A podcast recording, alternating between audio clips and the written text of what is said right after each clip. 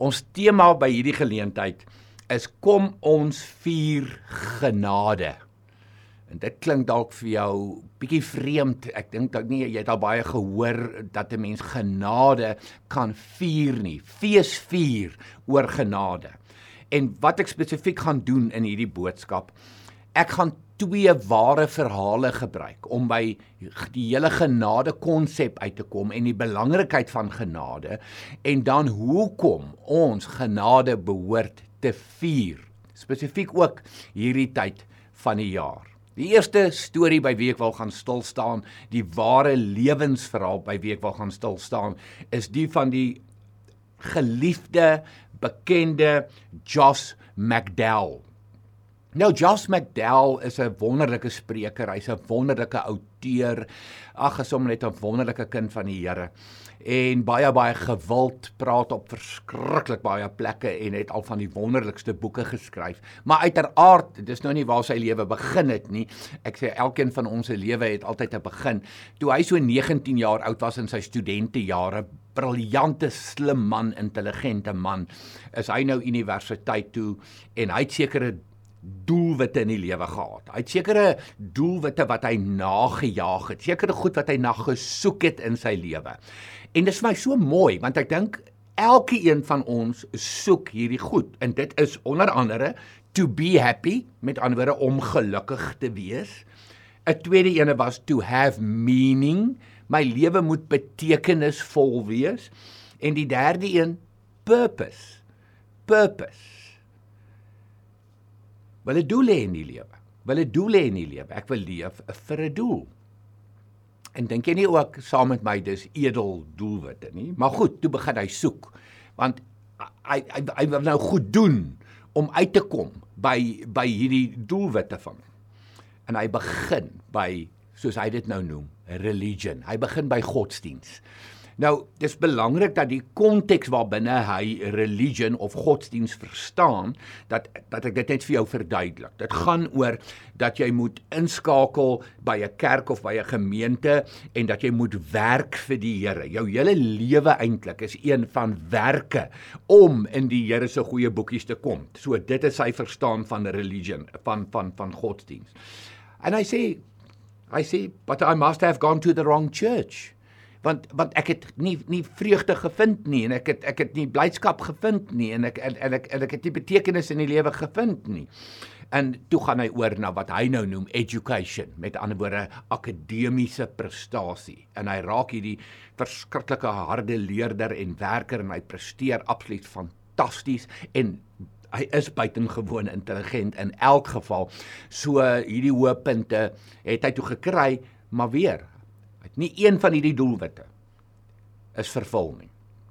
En toe gaan hy oor na prestige toe, staan vir elke komitee, kom in op elke komitee word voorsitter van komitees en sulke goed, maar hy vind nie geluk nie, hy vind nie vreugde nie, hy vind nie vrede nie. En toe eendag gebeur 'n wonderlike ding op kampus. Julle weet ons hoe die universiteitskampus met die kafeteria waar jy nou jou middagete gaan eet of waar jy nou 'n koffietjie gaan drink of wat ook al en hy gaan eet middagete. En elke middag sien hy 8 studente, baie spesifiek 8 studente wat hy sien.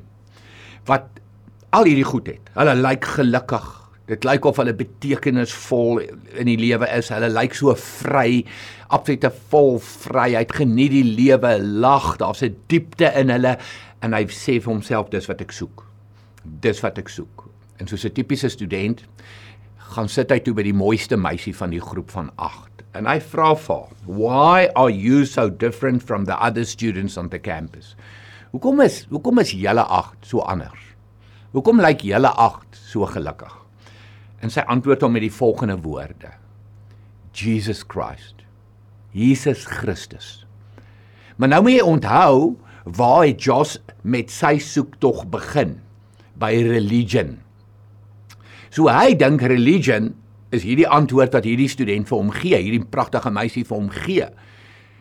En onmiddellik is dit vir hom 'n parallel en omdat hy nie geluk en vrede en vryheid gevind het in religion nie, vererg hy hom verskriklik vir haar. Hy sê, "Oh, come on. Don't give me that garbage about religion." Met ander hy gaan so ver om in haar gesig dat half uit te spoeg, kwaad, aggressief uit te spoeg. Dat weet jy wat ek wil met godsdiens niks te doen het nie. Ek het klaar gesoek in godsdiens en ek het dit nie gekry nie.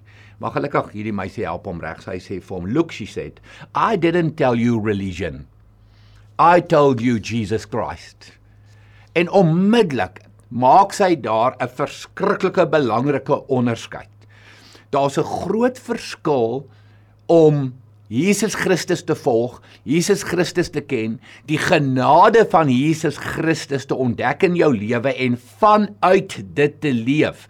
Vanuit daardie genade goeie werke te doen en te leef. Groot verskil as wat jy goeie werke doen om in die Here se goeie boekies te kom. En dis presies wat sy vir hom sê. Look, ek het nie vir jou gesê religie nie, Ek het vir jou gesê Jesus Christus, die genade van Jesus Christus. Nou hierdie man Josh McDowell met al sy briljantheid en intelligensie gaan toe absoluut op 'n missie om haar verkeerd te bewys. Met ander woorde, hy gaan doen letterlik navorsing om haar verkeerd te bewys. Nommer 1 wil hy die Nuwe Testament verkeerd bewys en hy wil hy wil bewys dat hierdie hele Jesus storie is eintlik 'n storie. Is eintlik soos 'n 'n rooi kappie verhaal. Ehm um, en die en die en die varkies en die wolf verhaal. Dit is dit is nie die waarheid nie. En in sy diep diep diep navorsing kom hy agter dat die Nuwe Testament, die verhaal van die Nuwe Testament, die geboorte van Jesus, die kruisiging van Jesus Jesus wat graf toe is, Jesus wat opgestaan het uit die dood, Jesus wat opgevaar het na die hemel, is die volle volle hele waarheid. Dit is wat sy navorsing wys. En dit is waar sy bekering gebeur het. Toe hy die genade van Jesus Christus ontdek in sy lewe. Toe hy ontdek Johannes 14 vers 6. Jesus het vir hom gesê: "Ek is die weg en die waarheid en die lewe." Niemand kom na my toe behalwe die kom, kom na die Vader toe behalwe deur my nie. Ek lees net weer daai laaste sin. Niemand kom na die Vader toe behalwe deur my nie. Dis wat gebeur het in Josh McDowell se lewe. En van daardie dag af wat hy sy oorgawe aan Jesus gemaak het, wat daar 'n viering van genade in sy lewe gebeur het, het sy lewe toe totaal verander. Is hy een van die top geestelike sprekers, evangeliste in Amerika wat vir jou kan bewys die Nuwe Testament is waar, die Bybel is waar, die boodskap van Jesus Christus is waar, die verhaal van genade is die waarheid. Vandag nog ook vir jou en ook vir my en dis al wat 'n mens se lewe verander. Die tweede persoon na wie toe ek wil verwys vandag is die baie bekende leierskap guru, geestelike leier in Amerika, Craig Groeschel. Nogal die moeite werd om sy sy sy boeke ook te lees, doen verskriklik moeite met sy boeke. Ek dink elke skrywer doen dit in elk geval, maar ek vind sy boeke verskriklik leersaam en in die besonder sy sy sy leierskapboeke. Ehm um, dis regtig 'n baie baie goeie geestelike leier. Sy verhaal begin weer in die laerskool, toe hy as 'n ou 8-jarige seentjie wat hulle in Amerika noem 'n backyard Bible school bygewoon het. Nou kry 'n prentjie van 'n 8-jarige seentjie wat in sy vakansietyd 'n backyard Bible school bywoon. So 'n tipe van 'n van 'n van 'n 'n 'n Bible club dink ek sal sal ons dit nou noem in Suid-Afrika vandag. Ehm um, so vir 'n vir 'n paar middae of 'n paar dae van die week woon hy dit by in sy vakansietyd. En toe kom twee volwassenes op 'n dag en hulle vat hierdie twee seentjie, die een vat sy een hand, die ander een vat sy ander hand en hulle vat hom daar alleen agtertoe en hulle sê vir hom if you don't know for sure where you spend eternity then if you die you'll go to hell. Nou mense ek sê altyd dis een van die beste voorbeelde van hoe jy nie werk met 'n 8-jarige kind nie, net so tussen my en jou. En hy ontwikkel 'n vrees vir die Here. Nie 'n gesonde vrees nie, 'n bang vir die Here. Hierdie Here wat mense wil hel toe stuur. Hierdie Here wat jou net dophou om te kyk waar jy 'n voet verkeerd sit en waar jy 'n fout maak sodat hy jou kan straf. Dit is dit is sy persepsie van die Here as 'n 8-jarige en daarmee word hy groot. As 16-jarige, so hy's nou in sy in sy tienerjare en sy adolessensiejare, gaan hy alleen kerk toe. Nou mense ek sê altyd dit vat guts. gaan alleen kerk toe as 'n 16-jarige en hy word aangegryp deur die pastoor se boodskap. Sodanig dat hy 'n afspraak maak met die pastoor. Nou ek wat baie met jong mense werk kan vir jou sê wanneer 'n 16-jarige my bel en 'n afspraak met my maak, kanselleer ek alles in my dagboek om hierdie te kan doen want dis nie sommer dat 16 jariges jou bel nie. Ek bedoel die ma sal jou bel of die pa sal jou bel en daaruit mag dalk 'n afspraak kom. Maar wanneer 'n 16 jarige jou bel, jou bel, jy het 'n kans. Jy het 'n kans om die evangelie van genade te verduidelik. Jy het God se liefde, God se barmhartigheid, ehm um, Jesus, die kruis, die die die graf, die leë graf in die besonder. Ehm um, hoor wat sê hy? Toe hy uitstap by hierdie man se kantoor. Hy sê, "Although I don't recall everything the pastor said. I remember advice about not being a hellraiser, not chasing chasing girls and not drinking beer. In other words, all bad news. So hierdie geestelike leier het nie die geleentheid gebruik om die goeie nuus met hom te deel nie. Hy deel al die bad news. Dis weer eens. Jy moet ophou hiermee, jy moet ophou hiermee, jy moet minder hiervan, jy moet meer hiervan, minder hiervan, meer daarvan asof dit vir jou redding kan bewerkstellig. Hy hy skryf verder. I left his office determined to stop sinning. It was time to find religion and get myself right with God once and for all. Hy sê presies nou waar Josh McDowell was. Dis in my hande om my saak met die Here reg te kry. Ek moet nou my lewe reg kry. Ek moet my werke verander om my lewe met die Here reg te kry. Asof ek dit nou kan doen, asof ek myself in 'n verhouding met die Here kan inwerk. En toe gebeur met hom 'n wonderlike ding, ook baie vroeg op universiteit. Sit hy een aand stoksiel alleen so sy vinger. Dis nie 'n kerkbyeenkoms nie, dis nie een of ander saamtrek met mooi musiek nie. Hy sit stoksiel alleen in sy koshuiskamer by sy American College, soos die Amerikaners dit noem. En hy lees Efesiërs 2 vers 8 waar daar die volgende staan: Julle is inderdaad uit genade gered deur geloof. Hierdie redding kom nie uit jouself nie dit is 'n gawe van God. Beter vertaling as gawe is die woord geskenk. Dit is 'n geskenk van die Here vir jou. Genade is 'n geskenk van die Here. God wat in aksie kom, wat Jesus uit die hemel stuur, hom deur die tuin van Getsemane laat gaan, hom aan 'n kruis laat sterf met al jou sonde en my sonde op hom. Daar sterf hy in ons plek sodat ek en jy vrygespreek kan word sodat ons geluk en vreugde en vrede in ons lewe kan vind sodat ons 'n nuwe mens kan wees en vanuit dit goeie werke kan doen. Hy ontdek hierdie vers. En toe hy dit ontdek sê hy die volgende could this be true? Dis of hy kwaad is. Could this be true? We saved by god's grace and his grace alone. It is not by our works Why didn't anyone tell me? Hoor hoor die verwyd.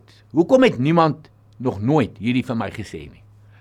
Ek probeer so hard. Ek probeer vandat ek 8 jaar oud is. Ek is so bang vir God. Ek wil nie 'n voet verkeerd sit nie. Ek wil die regte goed doen. Ek ek wil deur goeie werke wil ek in God se goeie boekies wees en ek wil in God se goeie boekies bly deur my pogings, deur my werke. Toe ek 16 jaar oud is, gaan sien ek 'n geestelike leier wat vir my net slegte nuus gee. Wat glad nie vir my die goeie nuus van die evangelie en van 'n van 'n Jesus wat wat aarde toe kom en wat wat in my plek sterf aan 'n kruis nie. Could this be true? We saved by God's grace and his grace alone. En daar sit hy alleen in sy koshuiskamer. En ek wil net net 'n bietjie uitbrei op hierdie deur nog een vers vir jou hier in te sit. 2 Korintiërs 5 vers 21 waar Paulus so mooi skryf. Christus was sonder sonde. En dan sê ek hier kom die belangrikste maar in die Bybel. Maar God het hom in ons plek in jou plek in my plek as sondaar behandel sodat ons ek en jy deur ons eenheid met Christus deur God vrygespreek kan wees. Hoor dit weer. Christus was sonder sonde. Jesus het nooit sonde gedoen nie. Maar, maar ten spyte daarvan kom God en vat al jou sonde en my sonde, laai dit op Jesus, stuur hom na 'n kruis toe sodat daar vir my en vir jou, wanneer ons een is met Christus, dat daar vryspraak kan wees. Wie doen die werk? Jesus Christus doen die werk. Dis nie ek en jy wat deur werke gered word nie. So hierdie vraag wat kry ek vra, could this be true? We saved by God's grace and his grace alone? Ja, ja, ja. Op grond van wat Paulus vir ons sê in Efesiërs, op grond van wat Paulus vir ons sê in Korintiërs en op vele ander plekke in die Bybel. En hierdie Craig Rochelle gaan vinger alleen daar na die sportveld toe van sy universiteit en hy gaan kniel op die middelkolletjie. Wil jy die prentjie sien van een man, een man. Die evangelie gryp hom, genade gryp hom. En hy gaan kniel op die middelkolletjie. Alleen in 'n groot stadion. En hy bid die volgende gebed. Take my life. Vat my lewe Here. Ek gee oor. Ek gee myself weg Here hy sê 'n ou kruik het gaan kniel en 'n nuwe kruik het opgestaan. Toe hy daar opstaan, toe verander sy hele lewe as gevolg van die ontdekking van genade. So kom ons vier die grootste geskenk van alle tye, Jesus Christus. Maar God het hom in ons plek as sondaar behandel. God in aksie. Hy stuur sy seun. Hy vat jou sonde en my sonde. Hy laai dit op Jesus. En Jesus sterf aan 'n kruis. In jou plek en in my plek. Praat nou van werke. Nie is nie ons werke nie, dis God en Jesus se werke en dit is genade. En daarom kom ons vier fees oor genade.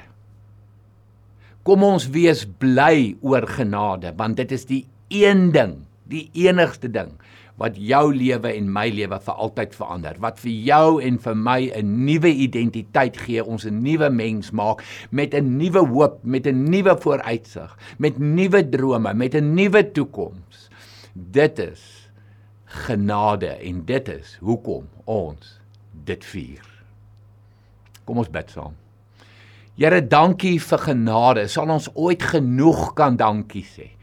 Oorvloedige genade, onvoorwaardelike genade. Here Jesus, dankie vir die kruis. Hemelse Vader, dankie vir u barmhartigheid wat Jesus aarde toe gestuur het. Dankie dat ons in hierdie hierdie tyd wat ons nou in beweeg, so bewus is van van die stal en van die krib en van van die hele Kersverhaal. Jesus wat aarde toe gekom het. Dit het alles te doen met genade. Dankie dat ons ook vandag so bewus kan wees van die kruis. Dankie daarvoor, Here. Want dit bring vir ons nuwe lewe, dit maak van ons nuwe mense. Ons loof U. Ons vier genade, Here. Amen.